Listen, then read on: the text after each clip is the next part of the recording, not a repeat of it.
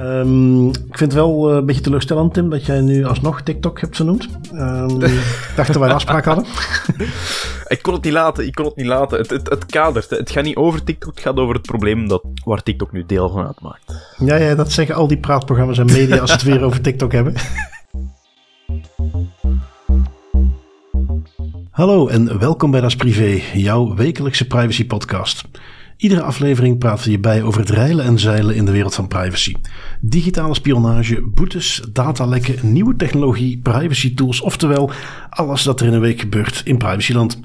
Ik ben Bart van Buitenen en samen met privacy-procureur Tim van Haren hebben wij het privacy nieuws van deze week gecureerd en eruit gehaald wat er echt toe doet.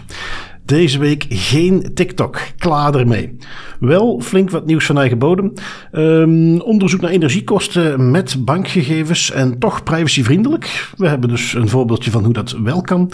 Uh, Telenet, uh, volledig in eigendom van Liberty Global, heeft ook wat privacy-implicaties. Daar gaan we even bij stilstaan. Iets wat ook de media haalde: leeftijdsverificatie in de krantenwinkel. Is dat Big Brother of een privacyvriendelijke manier om de winkeliers te gaan ontzien? Uh, we kijken nog naar uh, hoe veilig data in ons brein tegenwoordig nog is. Big Tech heeft ook daar zijn tanden ingezet. Uh, net zoals de stad Parijs heeft de knil tenslotte ook de pik op deelscooters flinke boete uitgedeeld. En natuurlijk hebben we nog wat datalekken. Ik zou zeggen Tim, as usual, das privé at your service. Um, kleine update van uh, iets. Security.nl had hij meegenomen. Uh, de hele tijd geleden, denk ik. Ondertussen, ja, het zal wel ongeveer uh, de zomer vorig jaar geweest zijn. hadden we het over festivals die met gezichtsherkenning werken. Daar waren nu het festivalseizoen er langzaamaan weer aan begint te komen. Waren wat vragen over gekomen in de Nederlandse Kamer. Waar dan de betreffende minister vragen moest antwoorden. Um, ik nam me mee omdat het gewoon uh, nuttig was om die bevestiging nog eens te zien. Dat zij bekeken hebben en zeggen: ja, die uh, gezichtsherkenning in die context mag. Uh, maar de gewone dingen zijn van toepassing. Dat moet met duidelijke toestemming. Je moet goede informatie krijgen over wat er gebeurt. aan wie wordt die informatie nog doorgestuurd. Dus de normale dingen die je zou verwachten als er zo'n technologie wordt ingezet. Um, wat je wel ziet, en dat is ook iets wat in het verleden al, al, al wat bleek, is dat dat dus als minder controversieel wordt gezien. Het is niet dat men meteen op de rem gaat staan, maar dat men gewoon aangeeft van ja, als het op de goede manier gebeurt, dan biedt de GDPR daar ook de mogelijkheden voor.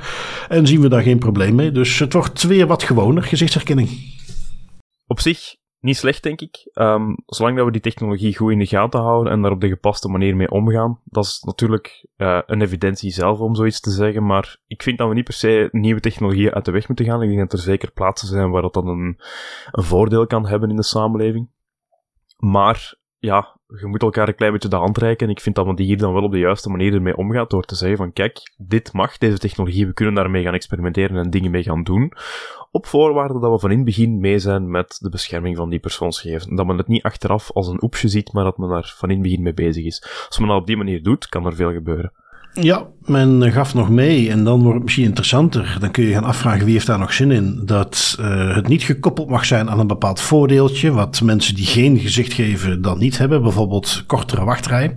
Um, wat natuurlijk destijds in die festivals wel de grote aantrekker was. Van uh, meld je aan van tevoren met je gezicht en dan kun je sneller doorlopen. Nu goed, uh, waar zit de grens tussen het is een voordeel wat we aanbieden en tussen van ja, gezichtsherkenning gaat nu helemaal efficiënter, dus het gaat gewoon sneller. Dat is nog, uh, ja, daar zullen ze denk ik eh, eventjes op moeten letten. Maar voor de rest, uh, ja, inderdaad, nieuwe technologie, als het op de goede manier ingezet wordt, zijn wij alleszins zeker niet tegen. Um, wat hebben we nog meegenomen? Ik vond het trouwens interessant. We, prikken vaak wat nieuws uit, ook uit Nederland, ons omringende landen, maar ik vond dat we deze keer aardig wat, wat leuke verhaaltjes ook in de Belgische media hadden. Dit was er eentje die ik oppikte. Um, op Twitter publiceerde Gert Peersman, een universiteit aan de, of een uh, professor aan de Universiteit van Gent. Die publiceerde oorspronkelijk gewoon over een onderzoek. Um, zoals het hot is, energiefactuur werd naar gekeken. Um, hot takes over de financiële impact daarvan. Daar zijn andere podcasts voor. Maar het ging erover dat men gegevens van 930.000 Belgische gezinnen had uh, geraadpleegd. dat men die gegevens van een bank had gekregen en dus daarmee kon gaan inschatten hoeveel men had betaald voor elektriciteit. Um, nou ja, om die niet te missen, uh, inhoudelijk het resultaat was van ja, uh, iedereen heeft eigenlijk veel minder betaald dan er allemaal gedacht werd met al die maatregelen en met de index- en inflatiecijfers. Dus oké, interessant, maar goed, opnieuw wat dat betekent concreet, daar zijn andere specialisten voor. Maar er kwam natuurlijk meteen een beetje op, hè, van oh, wacht eens even, 930.000 Belgische gezinnen, uh, bank, transactiegegevens, wie heeft daar toestemming voor gegeven? Waar komt dat vandaan? Hoe komen jullie eraan? kennelijk op zo'n manier dat de onderzoeker, de professor zelf, daarna toch eventjes met een nieuw draadje op Twitter kwam, waarin hij daar specifiek op inging. Dus toch iets wat, wat wel, uh, vragen die wel gesteld werden kennelijk. Maar wat ik heel leuk vond om te zien, is dat hij daar eigenlijk op een hele mm, simpele en, en, en duidelijke manier kon uitleggen waarom dat hier uh, volgens hem naar privacy toe geen inbreuk was gemaakt. En ik kan dat alleen maar beamen, want het principe was uiteindelijk heel simpel. Um, de bank, ze hebben een samenwerking met BNP Paribas. Uh, ja, geen kleine bank uiteraard, dus oké, de hoeveelheid gegevens, dat zal daar wel vandaan komen. Um, die hadden zelf een dataset samengesteld met transactiegegevens. Of die al dan niet geanonimiseerd is. Wat ze wel zeiden, die is geanonimiseerd door de bank zelf. Nou ja, mijn punt eerder in die discussie was ook al het moment dat je een lijst hebt met transactiegegevens en die zijn uniek. Dus je weet, deze transactie, dat is een unieke rekening. Dan stel ik me al sterk de vraag, is dat toch wel anoniem? Um, zeker als daar andere gegevens bij zitten. Hè? Als het echt alleen maar om dit zijn betalingen van dit is een energiebetaling op dat moment, dit is nog een energiebetaling van dat moment. Ja, dat kun je prima anoniem gaan zien. Maar als er andere gegevens bij zitten, uh, pak van willekeurig welke rekening, gewoon vier transacties.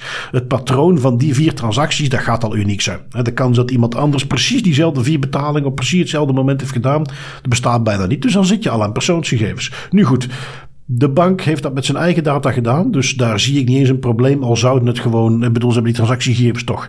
En wat is de clue? De bank heeft een dataset klaargezet. De universiteitsonderzoekers hebben een onderzoeksalgoritme geschreven. Daar hebben zij zelf niks mee mogen doen. Dat is door de bank binnengetrokken. Op hun omgeving, op hun data hebben ze de algoritme losgelaten. En de louter statistische gegevens. En dan hebben we het echt over grafiekjes met, met samenvattingen geaggregeerd. De louter statistische gegevens, die zijn vervolgens meegedeeld aan de onderzoekers. Um, Vond ik dus, en uh, opnieuw, we, we, roepen daar wel eens dat we dat toch ook, als daar ruimte voor is, zeker aandacht willen vragen. Nou, bij deze, mooi voorbeeldje van iets wat nuttig onderzoek is, waar in de basis wel gegevens van mensen voor gebruikt zijn, maar wat in de praktijk op zo'n manier is ingezet dat hier naar privacy toe volgens mij ook inderdaad uh, weinig tot geen risico's aan zitten. Ja, mooi voorbeeld. Uh, komt timinggewijs ook heel goed uit, want tegelijkertijd heb je dan, denk dat vorige week was, in de Nederlandse kranten, in de media, artikels die verschijnen over um, overheidsinstellingen en, en, uh, instanties die beweren dat de GDPR-wetgeving een, een blokkerende factor vormt, een obstakel vormt om bepaalde uh, onderzoeken of handelingen te gaan uitvoeren en eigenlijk een beetje de schuld geven aan die wetgeving om te zeggen van wij kunnen ons werk niet doen of wij kunnen bepaalde analyses niet doen. En er zullen misschien wel zijn hè, waar dat, dat absoluut uh, een blokkerende factor vormt, maar ik denk dat er ook heel veel scenario's zijn waarin er gewoon niet op de juiste manier wordt nagedacht. Want dit is ook zo'n mooi scenario waarin dat heel veel privacy professionals, denk ik, by default zouden gaan stijgen als ze dat initieel horen. En dan als je ziet hoe dat, dat wordt uitgelegd, hoe dat er rekening is gehouden met de bescherming van die persoonsgegevens, hoe alles lokaal bij die bank gebeurt en verwerkt wordt en de resultaten eigenlijk alleen maar naar buiten gaan ja, dan is dat een heel ander verhaal. Dat is, dat is denk ik ook de reden waarom dat DPO's heel vaak zeggen van het hangt ervan af, want ik kan zeggen ik wil een bepaald doel gaan bereiken en dan hoe ga je dat doen? Dat is waar het soms fout loopt. Maar dat betekent niet dat je je doel niet kunt bereiken. Dat betekent gewoon dat je werkwijze een klein beetje moet gaan aanpassen om een beter niveau van bescherming te voorzien. Ja, ja en, en uh, je ziet ook dat daar die bewustwording dus langzaamaan er wat in komt. Want wat was in het verleden ongetwijfeld de manier van werken is van... oh, willen jullie onderzoek doen? Nee, prima universiteit, alsjeblieft, hier is onze dataset, doe er je ding mee. En dus nu is uiteindelijk hetzelfde resultaat. Ik vond het nog wel interessant, want eh, de onderzoeker gaf dan ook aan van... ja, kijk, dit is een mooie samenwerking, uh, wij haalden onze onderzoeksdata uit... en de bank komt hiermee in aanraking met state-of-the-art onderzoeksmethoden. Daar vroeg ik me af of dat wel echt zo is. Uh, maar goed, ja, uh, wie weet dat is dat inderdaad zo. Hè? Maar ik kan me voorstellen aan een bank dat die niet achterovervallen van het feit dat je uit dat soort data dan algoritmes over gemiddelde energieprijsfacturen kunt bepalen. well. Maar oké, eh, whatever works. Als zij, uh, want ze hebben dus kennelijk een, uh, een, grootschalige samenwerking opgezet tussen de Universiteit van Gent en BNP Paribas om meer van dit soort onderzoeken te gaan doen. Ja, als men dat op diezelfde manier aanpakt, ja, dan, dan opnieuw, ja, we zeggen het al, dan is dit een voorbeeldje wat ik denk ik we vaker kunnen gebruiken. omdat we dan eindelijk eens kunnen aangeven, privacy of een GDPR staat nuttige onderzoeken helemaal niet in de weg. Je gaat gewoon even fatsoenlijk na moeten denken. En nu zie je, bijna vijf jaar na de GDPR, zit men dat dus ter harte te nemen en komen we met methodes die het wel toelaten om onderzoek te doen, uh, zonder dat we daarmee meteen een hele berg gegevens gaan rondsturen. Dus ja, in die zin vond ik het een heel uh, nuttig itempje om even mee te nemen. Um, Eentje die ik heel interessant vond en ik had hem zelf eigenlijk gemist. Um, dat net overgenomen wordt door Liberty Global. Dat heeft niemand gemist, denk ik. Veel het nieuws geweest. Um, ik weet niet zeker of het al zover is. Maar de plannen zijn in ieder geval dat Liberty Global het bedrijf uh, van de beurs af gaat halen. Uh, door zelf alle aandelen op te kopen. Um, Apache had daar vervolgens een, een, onderzoekje naar gedaan. Want die kwamen met, ja, wat is dan de impact op mogelijk staatsgeheimen, op privacy van gegevens. Uh, je had hem meegenomen, Tim. Waar had Apache daar uh, als uh, mogelijke bezwaren aangehaald? ze houden daar een aantal hele goede argumenten aan tegen die overname door Liberty Global. Um, twee redenen. De, de, privacy is, is de eerste reden. En waarom? Wel, um, het is vandaag de dag zo, Liberty Global heeft al een, een meerderheidsaandeel in Telnet. Hè. 51% denk ik dat we gezegd hadden voordat we begonnen aan de show. Um, maar er zijn bepaalde de Europese beschermingen en, en, regels die natuurlijk nog van toepassing zijn op Telnet. Ook al heeft Liberty Global een, uh, een, meerderheidsstake in dat bedrijf. Uh, Liberty Global, by the way, is een bedrijf met hun hoofdkwartier in Londen. Maar uh, die hebben ook kantoren in Denver. Dus ja, je ziet al waar dat dan naartoe gaat. We komen in die vaarwater van Schrems 2. Um, ehm, Amerikaanse inlichtingendiensten die ja, dat is voor hun een goldmine natuurlijk, als ze rechtstreeks toegang zouden kunnen krijgen tot een van de grootste telecommunicatieproviders van België. En um, wat er eigenlijk gezegd wordt in, in wat dat ik moet zeggen, een terug mooi artikel van Apache, is, wel kijk, vandaag de dag heeft, is er in Telnet, een, een, Liberty Global heeft een meerderheidsaandeel in Telnet. Er zijn bepaalde Europese regels die ervoor zorgen dat er toch een bepaald niveau van bescherming nog geldt op alles dat Telnet doet als morgen het zover is dat Liberty Global al die aandelen overneemt en dus uh, eigenlijk dat dat bedrijf potentieel dan ook van de beurs gaat halen, um, dan zijn er bepaalde Amerikaanse regelgeving die van toepassing worden op Telnet. Twee, specifiek de Cloud Act en Visa sectie 702. Uh, die trouwens ook vaak worden aangehaald als argument in uh, de hele Schrems 2 discussies. Want die twee stukjes wetgeving van Amerikaanse origine, die stellen Amerikaanse inlichtingendiensten en autoriteiten in staat om data op te vragen bij uh, bedrijven die daaronder vallen, onder die scope. En ja, dat, is, dat kan verregaande gevolgen hebben. Voor de privacy langs de ene kant, want als je morgen zegt van alles van data dat via Telnet loopt of waar, waar Telnet aan kan, kan potentieel opgevraagd worden door een Amerikaanse inlichtingendienst. Dat heeft een gigantische impact op de bescherming van persoonsgegevens um, van iedereen in België. En het is ook natuurlijk heel interessant om te zien hoe dat Schrems 2 daarop inspeelt.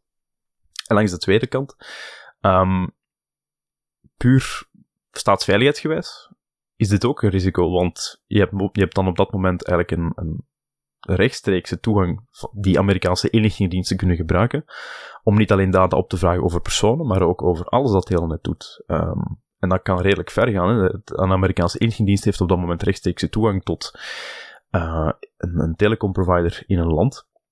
Dat is voor die mannen een goudmijn, daar kunnen die bijzonder veel mee gaan doen. Dus dat is eigenlijk een beetje waar het op neerkomt, is, is ja, als zij inderdaad al die aandelen gaan opkopen, zij worden de, de enkelvoudige eigenaar van Telenet en ze halen dat bedrijf van de beurs, dan zijn er bepaalde Europese regels en beschermingen die niet meer gelden. En zijn er bepaalde Amerikaanse wetgeving die beginnen te gelden, omdat zij een kantoor hebben in Denver. Ja, het is iets, het is iets wat werd meegegeven, maar ik ik kon uit het artikel, was ze aanhaal in ieder geval niet meteen volgen waarom die wetgeving niet sowieso al van toepassing was geweest. Want je bent een Amerikaans bedrijf, vestiging in Londen, maar uh, op het moment dat jij ook vestiging in Amerika hebt, ja, dan, dan houdt het gewoon op. En, en ja, dat, dat leek mij al genoeg. Nu goed, neemt niet weg dat het, uh, als het helemaal wordt overgenomen, uh, dan is het misschien iets dat, waar men pas later bij stil gaat staan, maar dat men dus nu even nadenkt van, goh, wat is dat eigenlijk? Een van onze grootste telecomoperatoren in Amerikaanse handen is natuurlijk nog steeds nuttig. Het staat er niet meteen in in het artikel hoe dat het komt dat het nu niet kan en, en binnenkort wel. Ik denk wel dat de nuance een klein beetje ligt is, en dat staat wel in het artikel, is Amerikaanse inlichtingendiensten zouden in theorie nu al toegang kunnen verschaffen tot bepaalde data. Het is alleen zo als het bedrijf van de beurs wordt gehaald en het, wordt, uh, het komt volledig in het eigendom van Liberty Global te liggen, dan uh, wordt het veel makkelijker voor die Amerikaanse inlichtingendiensten. Dan hebben ze eigenlijk bij wijze van spreken een rechtstreekse toegang, omdat onder andere ook die Cloud Act van toepassing gaat zijn op Telnet dan. Hmm. En dat is, uh, ja, dat is natuurlijk heel problematisch. Ja, nu goed, juridische uh, nuances wel of niet. Um, de basisvraag, en, en die dus eigenlijk in het verleden ook al gold toen zij meerderheidsaandeelhouder waren. Uh, willen we wel dat een, opnieuw een van de, de, tweede grootste uh, telecomprovider van België, dat die in handen is van een buitenlandse entiteit, Amerikaanse entiteit vooral. Ja, dat dat nooit eerder boven water is gekomen is wel apart. Zeker als je even herinnert, um, wat was het, 2012 werd de toenmalige Belgacom, nu Proximus, werd al gehackt door de Engelsen. Um, in samenwerking met ongetwijfeld de Amerikanen. Dus ze zijn er sowieso al niet vies van uh, om zich toegang te verschaffen tot de data van bondgenoten. En als je dan ook nog eens eh, deels eigenaar bent of straks helemaal eigenaar, ja, dan ligt dat nog heel erg voor de hand. Dus ja, ik ben wel. Eh, ik, ik, stel me meteen de vraag: welke andere grote bedrijven zijn eigenlijk voor een uh, meer dan 50% in handen van een Amerikaanse eh, entiteit? Of, of Chinese entiteit zelfs, want die hebben ook geld genoeg. Um, iets waar ze misschien nog, typisch iets voor Apache, wat misschien nog wel interessant is om nog eens wat meer te bekijken. Ja, absoluut. En, en Um, als men dat dan toch gaat bekijken, allee, het gaat ook interessant zijn om te kijken van, wat is dan eigenlijk de impact op de samenleving en op de bescherming van persoonsgegevens, hè, als, men, als men dat soort overnames gaat doen. Uh, wat zijn, de, wat zijn de, de, de, paden die men hier kan gaan bewandelen om dat potentieel tegengehouden, moet dat tegengehouden worden? Het, zijn allemaal vragen die we ons kunnen stellen. Ik zou aanvoelen van, ja, eigenlijk, als ze bezig zijn over digitale soevereiniteit en toch ergens een stukje de controle in eigen handen houden, vind ik het best wel belangrijk dat uw telecomproviders in handen blijven van op zijn minst Europese spelers, laat staan uh, Belgische. Um, en dat men dat niet zomaar in handen laat brengen van, van Amerikaanse of Britse spelers. Uh, want men geeft als argument aan, ja, maar uh, we moeten ons geen zorgen maken, want het is een Brits bedrijf, ze hebben hun hoofdkwartier in Londen.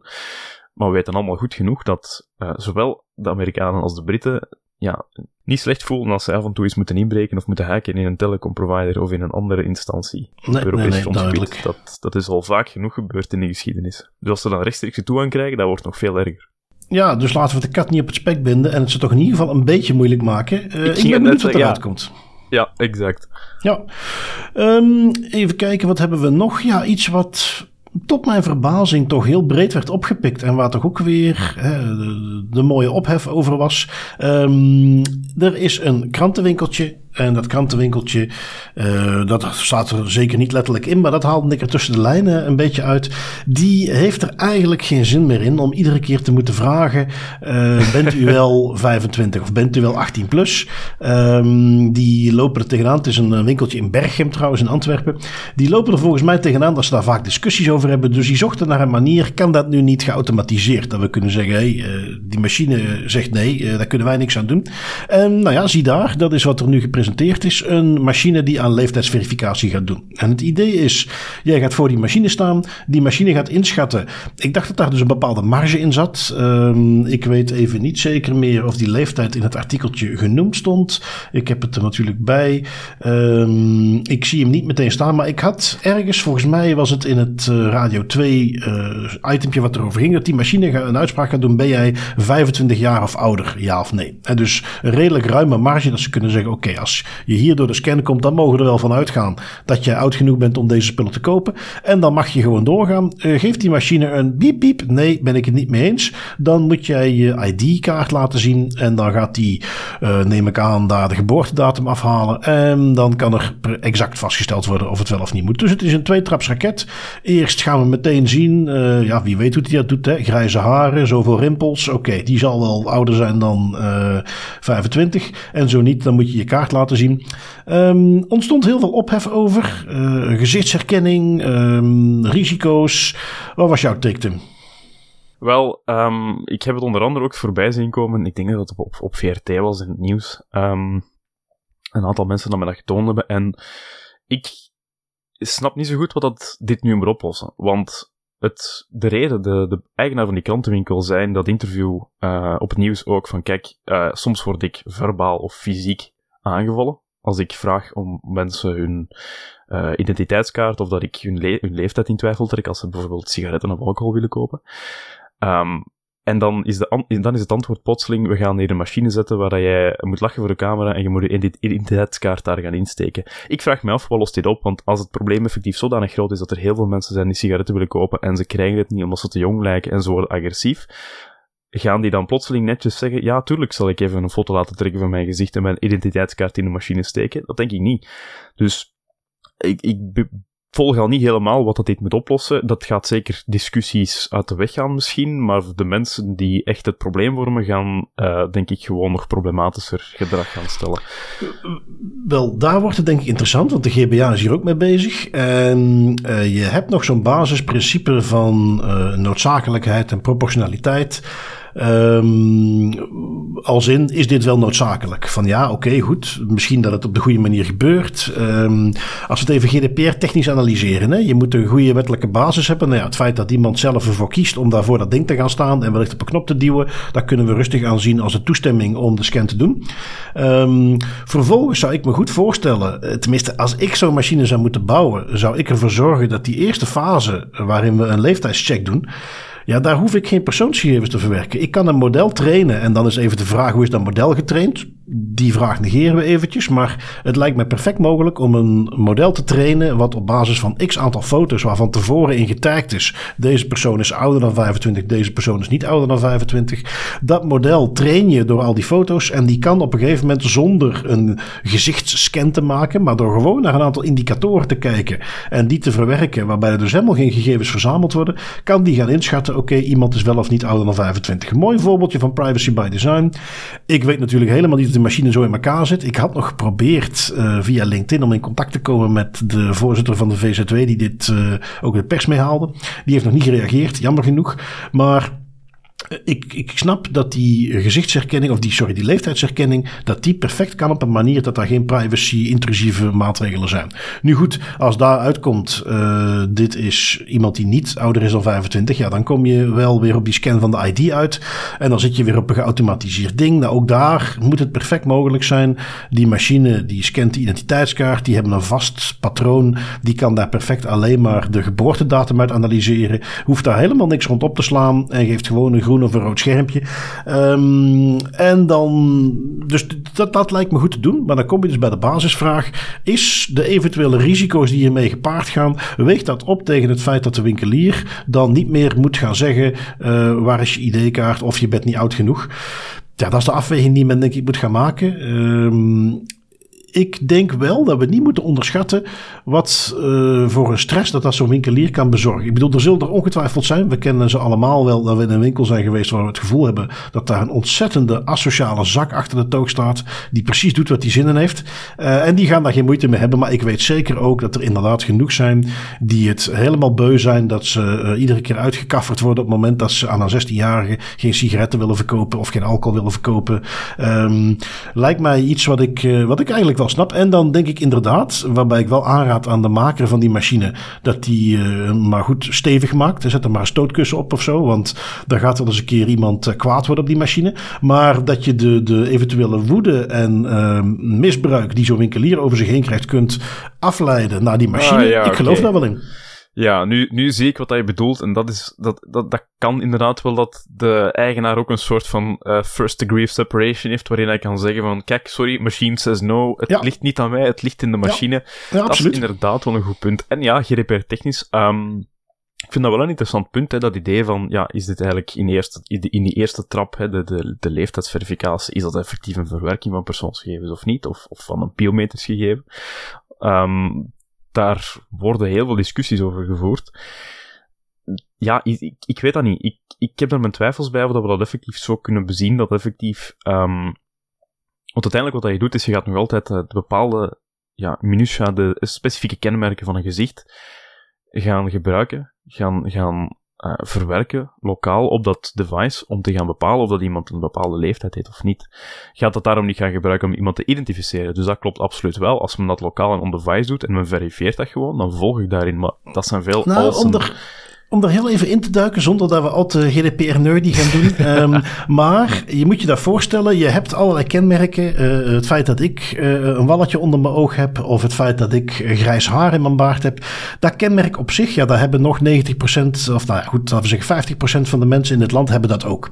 Dus op het moment dat je een soort raket inbouwt waarin die zegt in dat algoritme, oké, okay, we gaan uh, eh, 15 dingen bekijken. En per dingetje gaan we bekijken, oké, okay, als iemand dit heeft en hij heeft dit en hij heeft dit Iets wat nog steeds 40% van de bevolking betreft, die hebben het allemaal. Oké, dan zal hij wel ouder zijn dan 25. En dat kan dus inderdaad zijn, heeft hij daar rimpeltjes, heeft hij grijze haren.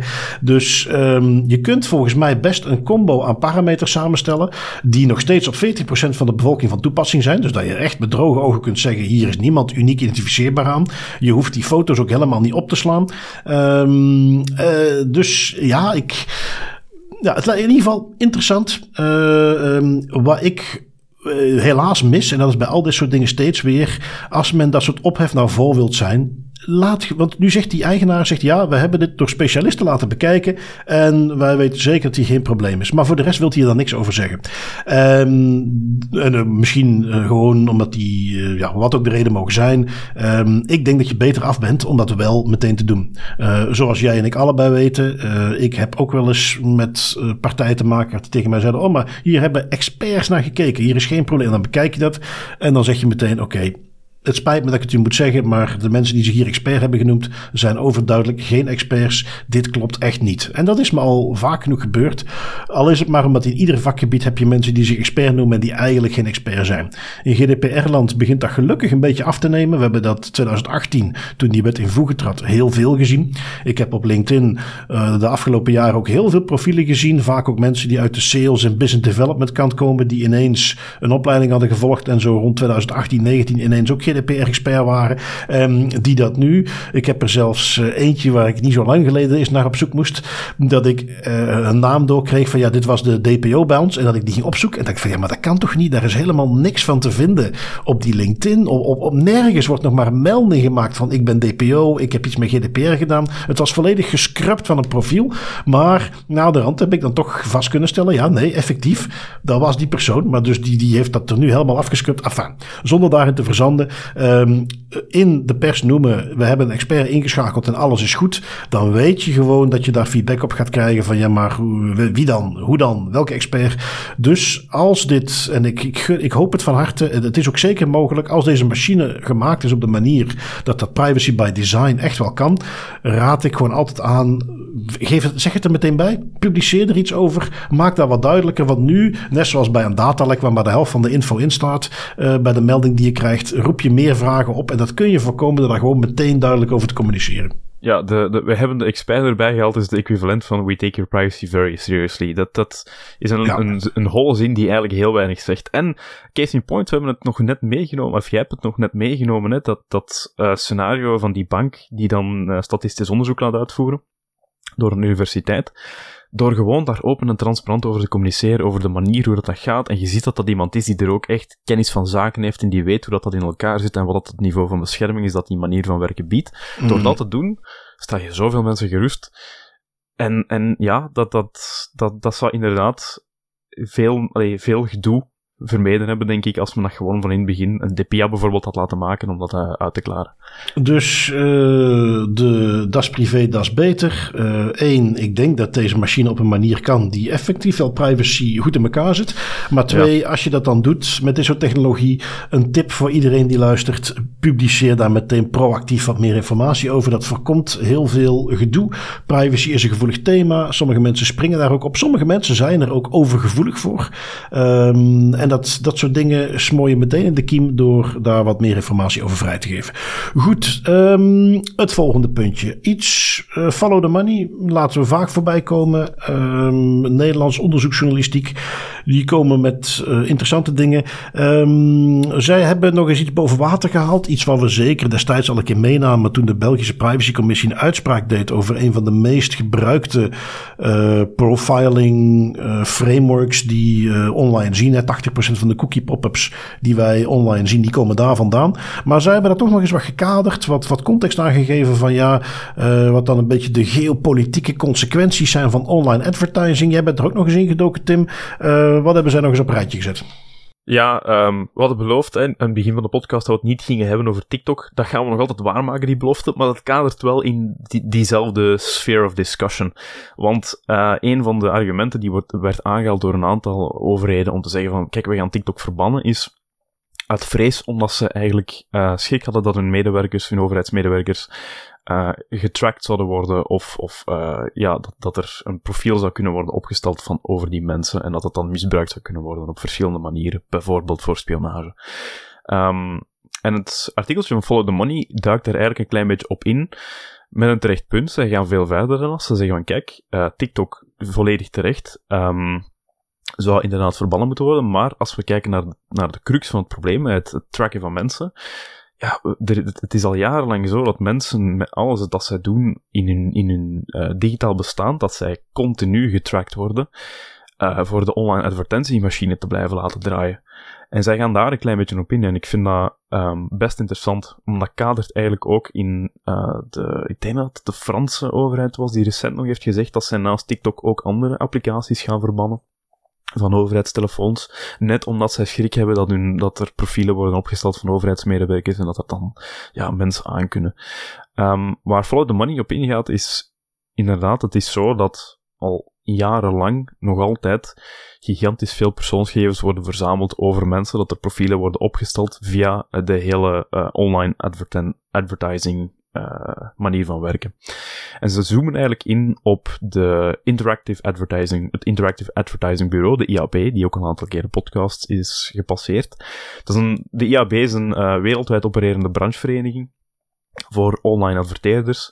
En die hebben eigenlijk een soort framework ontwikkeld voor de verwerking van persoonsgegevens op de real-time bidding. Die, die manier van werken waarbij dat je eigenlijk een uh, blanco ruimte hebt op je website die gevuld kan worden in advertentie en in een kwestie van milliseconden van zodra dat jij die advertentie, die website bezoekt, is er een systeem dat eigenlijk bepaalt, kijk, dit is dit soort profiel, je is geïnteresseerd in deze soorten producten of deze soorten diensten. En dan zijn er bedrijven die eigenlijk achterin dat systeem aan het bieden zijn op jouw aandacht. En dat gebeurt allemaal in een kwestie van milliseconden, dat is heel waanzinnig om te zien. Um, en dan worden er op, dat, op die website advertenties geplaatst die dankzij dat systeem goed zouden passen bij jouw profiel. Dat is de hele redenering achter de online tracking. Zorgen dat jij, jouw profiel zo accuraat mogelijk is, zodat mensen jouw aandacht kunnen kopen en hun product of dienst daarop kunnen plaatsen. En dat het eigenlijk allemaal ook een beetje matcht. Um, dat framework van IAB, dat wordt zeker in de Europese advertentieindustrie heel ruim en wijd gebruikt. Google, eBay, Amazon, Oracle, Salesforce gebruiken het allemaal. Ze zijn ook allemaal geregistreerde leden van de IAB. Ehm, en een klein beetje zoals dat, ja, zoals dat um, biologen bijvoorbeeld op een blad een insect prikken en dat gaan indelen en daar een taxonomie op gaan doen. Zo, gaat, zo gaan eigenlijk data-analysten in, bij, de, bij dat framework, bij die advertentieplatformen, ook personen taxonomisch indelen. Want, en ik heb daar een klein beetje een deep dive in gedaan, um, het is heel cool. Er bestaat zoiets als de content taxonomie van de IAB. Dat is een deel van hun framework. Dat is hun manier om eigenlijk personen te gaan indelen op basis van bepaalde parameters. Um, en ik wil daar een aantal highlights uit meegeven, omdat dat in mijn ogen ook nog eens illustreert hoe verregaand dat die tracking gaat en hoe verregaand dat de profilering eigenlijk gaat, waar Follow the Money ook op ingaat in hun artikel.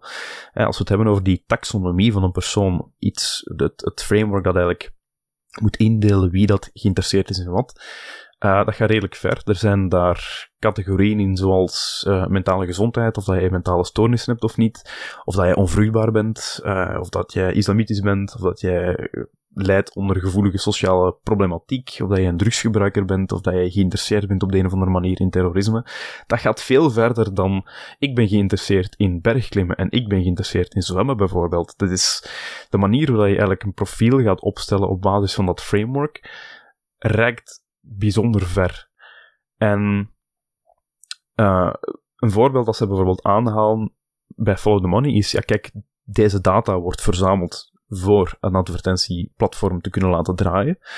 Maar die data is commercieel beschikbaar. Je kan die data kopen. Um, case in point is dat een heel mooi voorbeeld van die Amerikaanse priester, wiens data werd verzameld door uh, een heleboel applicaties. Daar werd een profiel over hem opgesteld. Dat die data werd uiteindelijk gekocht via een databroker en werd tegen hem gebruikt om te bewijzen dat hij eigenlijk uh, een verdoken homoseksuele was.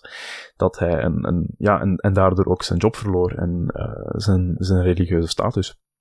Dat gaat heel ver. En als men dan spreekt over sociale media die mensen volgt, zoals TikTok, dat men daar bang voor is, ja, dan zou men eigenlijk ook wat meer aandacht mogen besteden aan de advertentiemechanismen die eigenlijk al jarenlang werken en nog steeds werken zoals ze werken. Ja, en waar ook van bekend is dat inlichtingendiensten die gretig opkopen om ja. hun ja. databronnen verder aan te vullen. Um, ik vind het wel uh, een beetje teleurstellend, Tim, dat jij nu alsnog TikTok hebt vernoemd. Um, dachten wij een afspraak hadden. ik kon het niet laten, ik kon het niet laten. Het, het, het kadert. Het gaat niet over TikTok, het gaat over het probleem dat, waar TikTok nu deel van uitmaakt. Ja, ja, dat zeggen al die praatprogramma's en media als het weer over TikTok hebben. nu goed, dat gezegd zijnde, ik vond dit een, een, een goede ja, ook naar awareness reminder. toe. Een goede reminder ja. om nog eens te weten. Uh, dit is niet zomaar wat, wat verzamelen van gegevens. Uh, dat zijn inderdaad hele lijsten waarin, uh, zoals Facebook altijd te koop loopt met hun 50.000 datapunten. zo doet de IAB dat ook. Um, en dat hele principe van uh, mensen op het internet zijn datavoer wat geprofileerd moet worden en waar vooral zoveel mogelijk reclame heen moeten pompen, is iets waar we echt eens vanaf moeten. En, en ik denk echt wel dat we daar nu mee bezig zijn. Ja. Um, dat IAB-verhaal is dus nu iets wat dan weer naar allerlei rechtbanken gaat, waar beroep tegen aangetekend wordt. Dus dat gaat nog wel even duren. En, en zo gaat het met al deze dingen. Um, en zoals ik al vaak aanhaal, het gaat nog jaren duren, maar langzaam maar zeker bewegen we de goede richting uit. Um, dat is te zeggen, totdat de technologie weer een nieuwe manier heeft gevonden om ons te gaan tracken. En dat is het puntje dat we nog eventjes uh, mee wilden nemen. Ik zag een artikeltje staan. Um, het was niet per se inhoudelijk helemaal nieuw, maar het zette het wel, is chronologisch nog wat beter op een rijtje. Uh, ze stonden nog eens stil, het was in de Scientific American, over um, het risico, uh, zeker naar privacy toe, van uh, wearable brain devices. Dus allerlei wearables die dan nu niet meer zoals de, de, de Apple Watch en soortgenoten die we allemaal al dragen, maar hartslag en dergelijke. Maar nog een stapje verder, die bepaalde manieren ons brein, breingolven in de gaten kunnen houden, hersenscans kunnen doen. niet type In een ziekenhuis, maar goed genoeg dat daar dus allerlei dingen uit te halen zijn. Nou, het is iets wat er dus wat aan zit te komen. Dat artikeltje uh, gaat daar wat verder op in. Um, aan de ene kant uh, staan ze even stil bij de voorbeeldjes die we al gezien hebben. Um, en uh, opnieuw, je zou het bijna vergeten, maar er waren, we hebben dat toen in de podcast ook meegenomen, voorbeeldjes waar het idee nog steeds was door de werkgever om een soort wellnessprogramma op te zetten, maar waardoor een, een bepaalde headset wordt gemeten of iemand zijn brein moe aan het worden was. Um, te veel meetings, te veel dit, te veel dat, dus dan ga je slechter presteren. En dan kwam er een soort melding. Maar goed, ondertussen wordt dat wel bijgehouden. Um, er was zelfs een voorbeeldje uit China. Waar de mensen die in de treinen zitten. op de lijn die tussen Beijing en Shanghai gaat. Uh, een van de drukste van zijn soort. Uh, die hebben gedurende de dag al van die sensoren hangen. waarbij er sommigen dus effectief naar huis werden gestuurd. op het moment dat er aangetoond werd door die sensoren. van hé, hey, die is er niet meer helemaal met zijn gedachten bij. Um, ja, vooral natuurlijk de vraag, weegt dat op tegen wat je probeert te voorkomen? Is het feit dat zo'n sensor merkt iemand uh, zijn hersenactiviteit op die die manier is anders? Is dat meteen één op één vertaling naar, oh, die kan niet meer werken? Um, ja, moet blijken. En bij sommige beroepen zou je nog kunnen zeggen, oké, dit heeft dermate veel veiligheidsconsequenties. Uh, als je bijvoorbeeld zou kunnen aantonen dat zoveel ongelukken gebeuren door onoplettendheid van de treinbestuurder, dan denk ik dat daar nog echt wel iets voor te zeggen valt. Um, maar het gaat natuurlijk verder. En dan zetten ze weer wat voorbeeldjes op een rijtje. Waar uh, het meer gaat naar dat soort scans die worden ingezet in recruitment context. Dan gaan we natuurlijk een heel punt voorbij. Dan zit die veiligheid er niet meer bij. Um, men staat ook nog even stil bij hoe dat ook ingezet wordt bij marketing. Dus dat men, uh, ze noemen het dan neuromarketing. Dat men op die manier uh, bepaalde campagnes gaat monitoren. er is een voorbeeldje bijvoorbeeld waar Lees, bekend van de, van de chips, dat die al hun neuromarketing onderzoek hebben toegepast. Waarbij ze dan vooral wilden kijken. In dit geval ging het over hoe de breinen van vrouwen reageerden als ze keuzes moesten maken over welke snack gaan ze wel of niet nemen. En daar wilden ze dan hun campagnes op gaan fine-tunen. En de aandacht van de vrouwen beter vatten, zodat die meer snacks zouden gaan eten. Nou, dat was dan natuurlijk het, het idee. Um, ja, dan zit je alweer op het niveau van manipulatie. Dan zit je alweer op het niveau van wat we ook bij Cambridge Analytica-achtige contexten zien, waar we Facebook-data gaan gebruiken om mensen te manipuleren.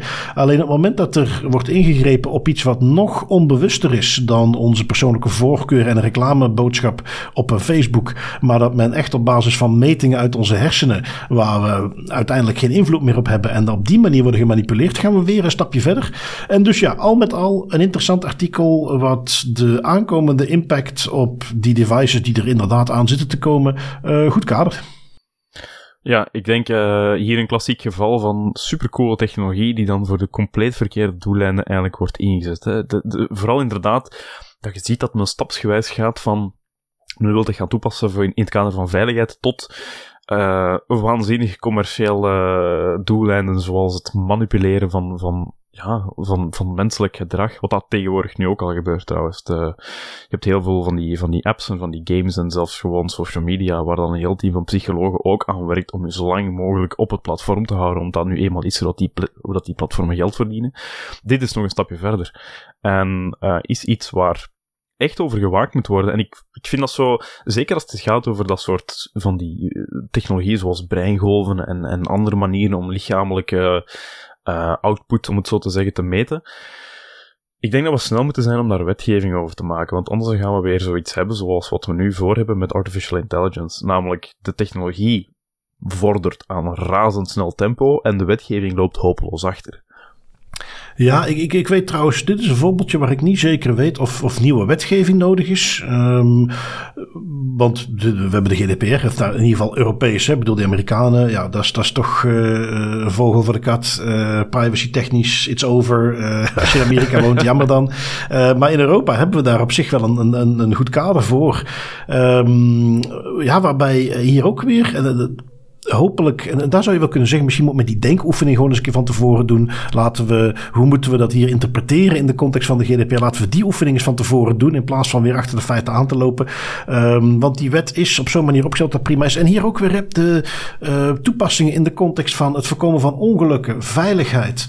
Uh, andere toepassingen waar ze het over hebben is bijvoorbeeld dat mensen door dat soort toestellen die verlamd zijn, maar wel met hun brein, dat die nog uh, kunnen tikken, dat die dus op die manier weer helemaal mee zouden kunnen doen met bijvoorbeeld dingen in het internet, uh, gekoppeld aan een soort uh, augmented of virtual reality headset. En uh, dat je op die manier dat soort mensen weer echt kunt laten meedoen, doordat ze een virtueel toetsenbord kunnen bedienen en dat soort dingen. Ja, da er zijn dus fantastische toepassingen. Dus laten we niet in de kramp schieten, zoals ik nu ook voorbij zie komen. Ja, we moeten ontwikkelingen in AI moeten we voorlopig maar even stopleggen.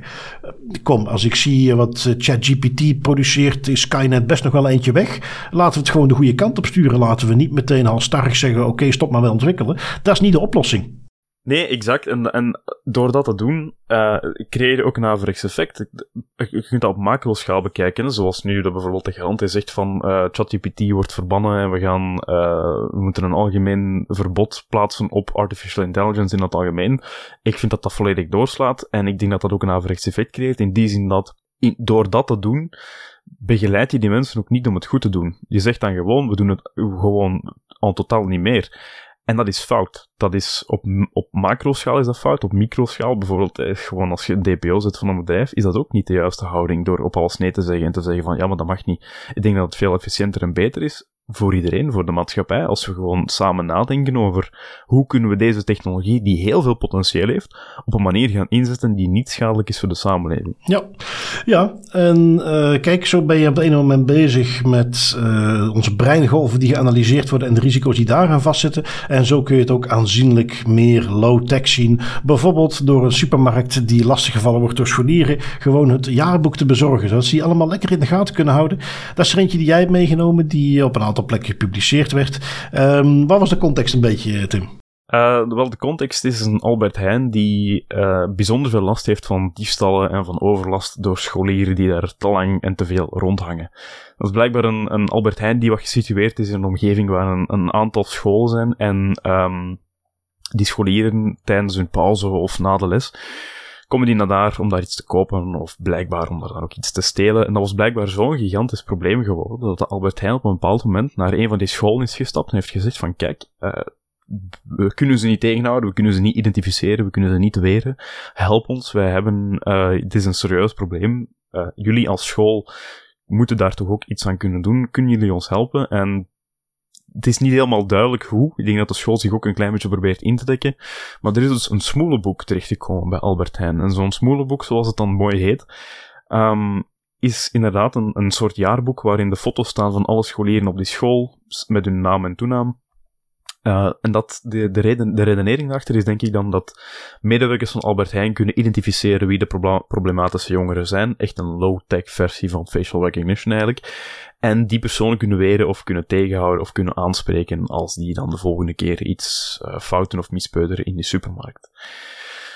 Is dat de juiste manier om het aan te pakken? Ik denk het niet. Uh, ik denk dat het ook in, initieel fout was van de school om dat boek überhaupt vrij te geven, op welke manier dan ook. De school zelf zegt dat ze niet weten hoe dat het gebeurd is. Um, ik denk dat dat een beetje indekking is. Ik denk dat ze dat hebben vrijgegeven en dan nu op de vingers getikt worden en zeggen van shit, oké, okay, uh, dit hadden we misschien beter niet gedaan, dus we gaan even doen alsof onze neus bloedt. Het boek is ondertussen ook teruggegeven, dus de school heeft, heeft ervoor gezorgd dat dat boek terug in handen is van de school en dat Albert Heijn daar niets meer mee kan doen.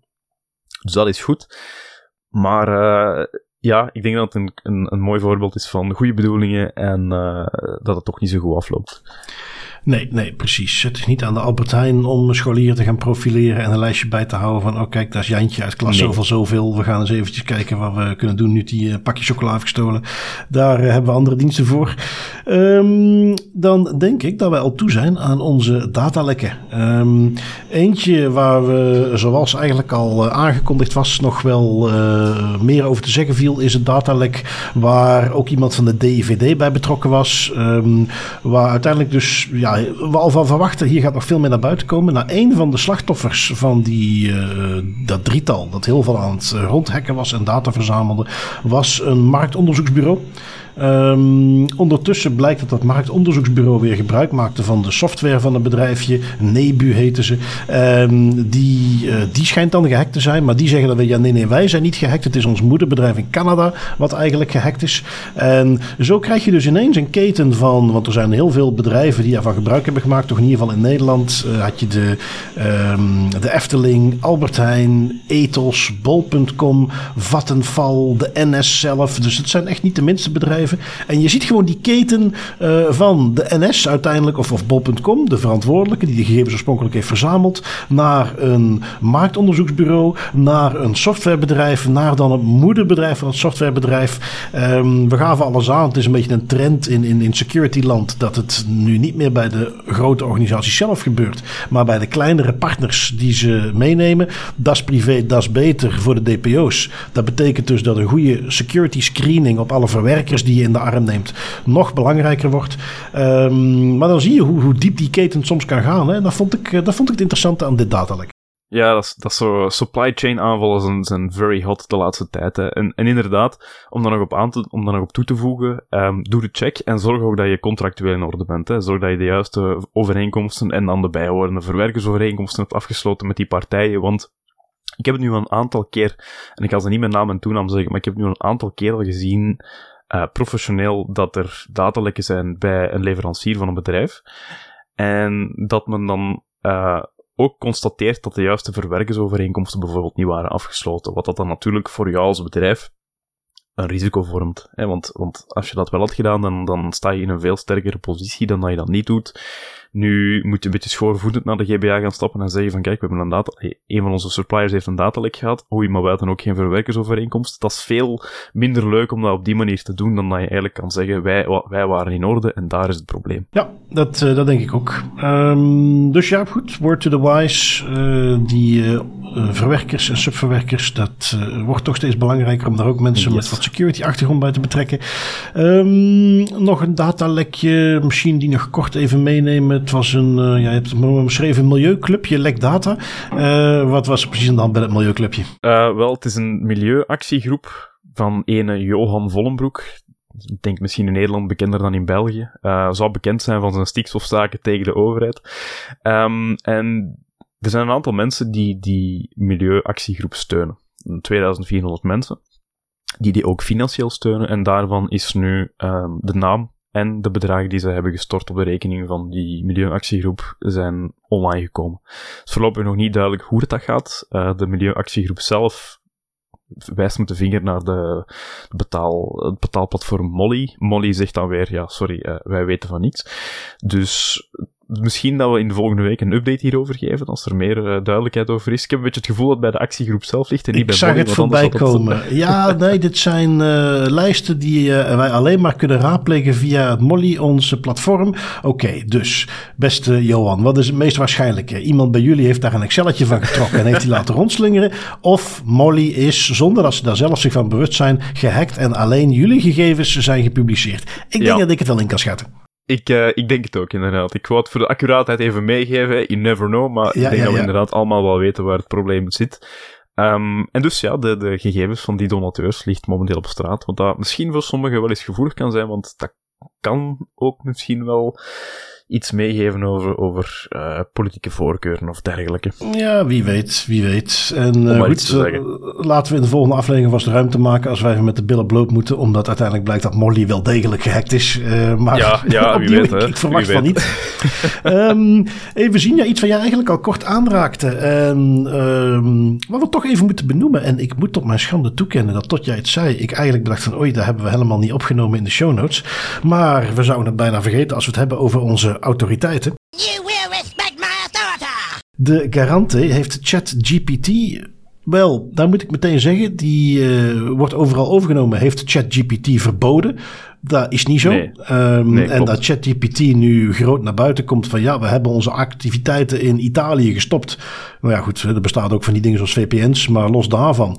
Gigantische overreactie. Het enige wat men wilde bereiken is van ja, wij willen niet, en zoals je dat nu wel doet, dat uh, gebruikers die met uh, die hebben een unieke gebruikers-ID, soms zelfs naam, en dat al hun prompts worden bijgehouden, dat je die prompts gaat verwerken.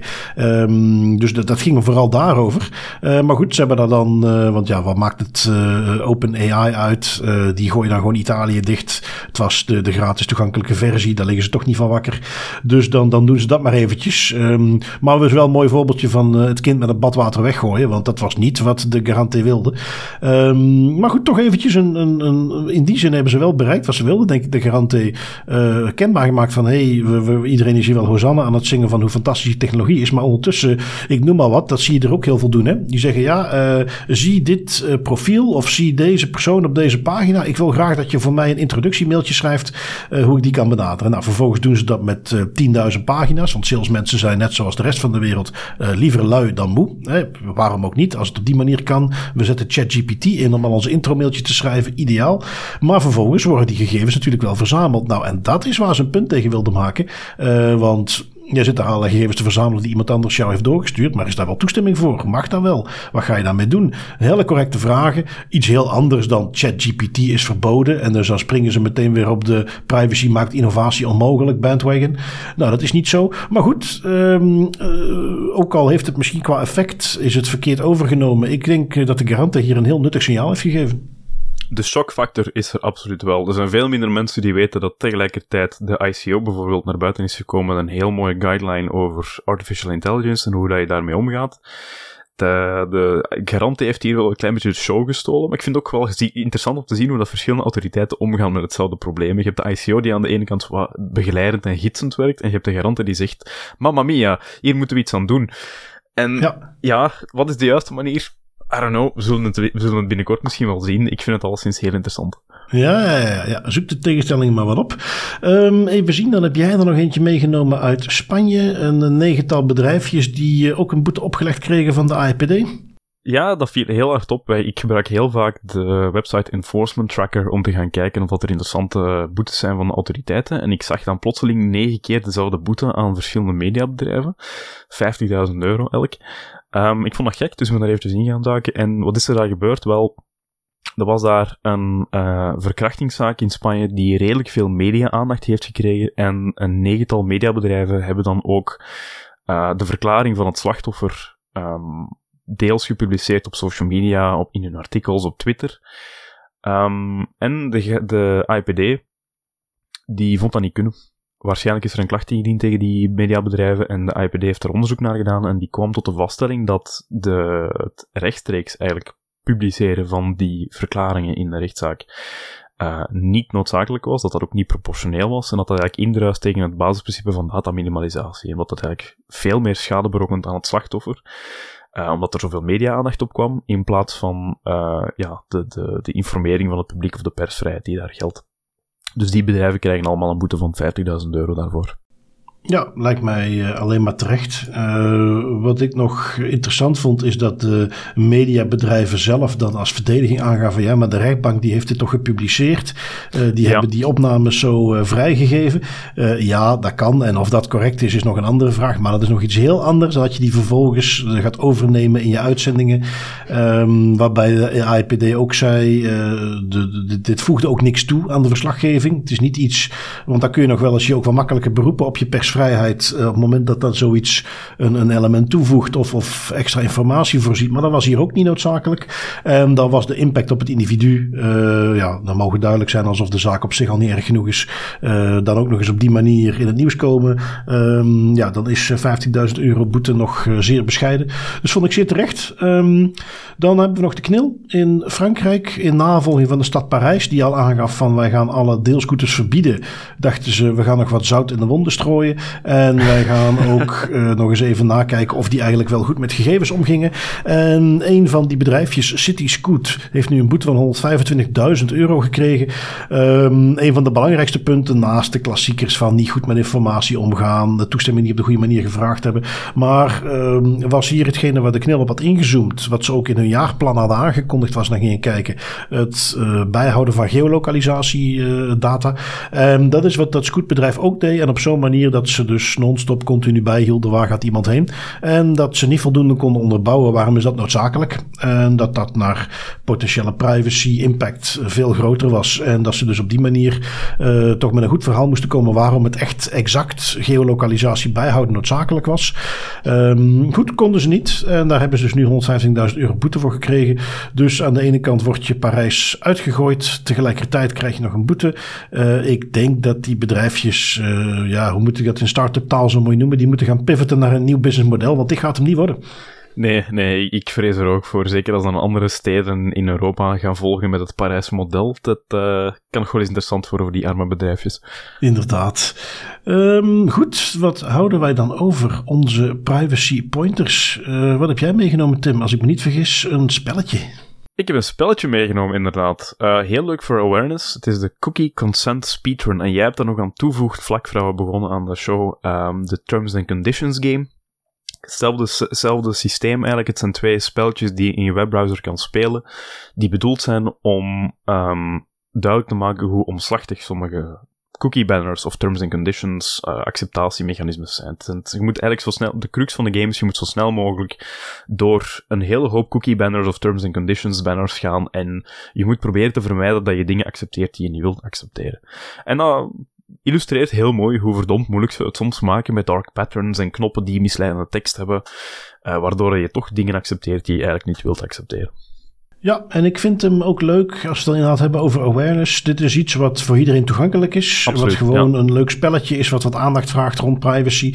Um, en dat kun je als DPO, als je een awareness programma uitzet, ook perfect gebruiken. Hè? Als je dit rondstuurt, je laat mensen dat spelen. Oké, okay, je hebt ze daarom geen uitleg gegeven over de inhoud van de GDPR. Maar dit telt ook naar privacy awareness, draagt ook bij aan een privacy cultuur. Dus is zeker iets wat je kunt gebruiken. Al is het maar om eens gewoon rond te strooien uh, in, in, in, in de Slack of de Teams of het magazine Uh, ieder stukje awareness telt. Um, wat heb ik nog meegenomen? Uh, iets inhoudelijker een stukje, maar ik vond het een mooi artikel van de NCSC, het National, uh, of Nationaal Cybersecurity Centrum in Nederland. Um, een beetje in navolging van hun Britse evenknie komen zij heel vaak met toegankelijk materiaal over beveiliging. En ze hebben nu een maandje geleden, denk ik, nog eens informatie gepubliceerd over de, de, de basis op orde. Hele toegankelijke, het is een artikel met nog een heel linkjes naar ander materiaal dat ze hebben, waarin op een hele toegankelijke manier gesproken wordt over de basiselementen van security. En dus voor DPO's die daar wat minder mee bekend zijn, privacy professionals of mensen die gewoon interesse in hebben natuurlijk, uh, is dat een hele goede basis van te beginnen. Uh, weet dat de basis die ze daar benoemen daar zitten al wat geavanceerdere dingen in. Hè. Wat, wat het NCSC als de basis ziet, is voor veel KMO's nog steeds uh, mythisch.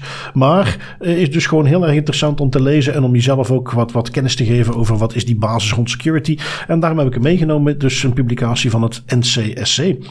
Uh, Tim, daarbij zijn wij weer aan het einde gekomen van onze wekelijkse aflevering. Ik vond dat wij in het kader van de paasvakantie toch genoeg te vertellen hadden. En ik kijk nu al uit naar de aflevering volgende week. Ja, absoluut. Zoals altijd, Bart. Uh, met heel veel plezier om dit te doen. En tot volgende week. Tot volgende week.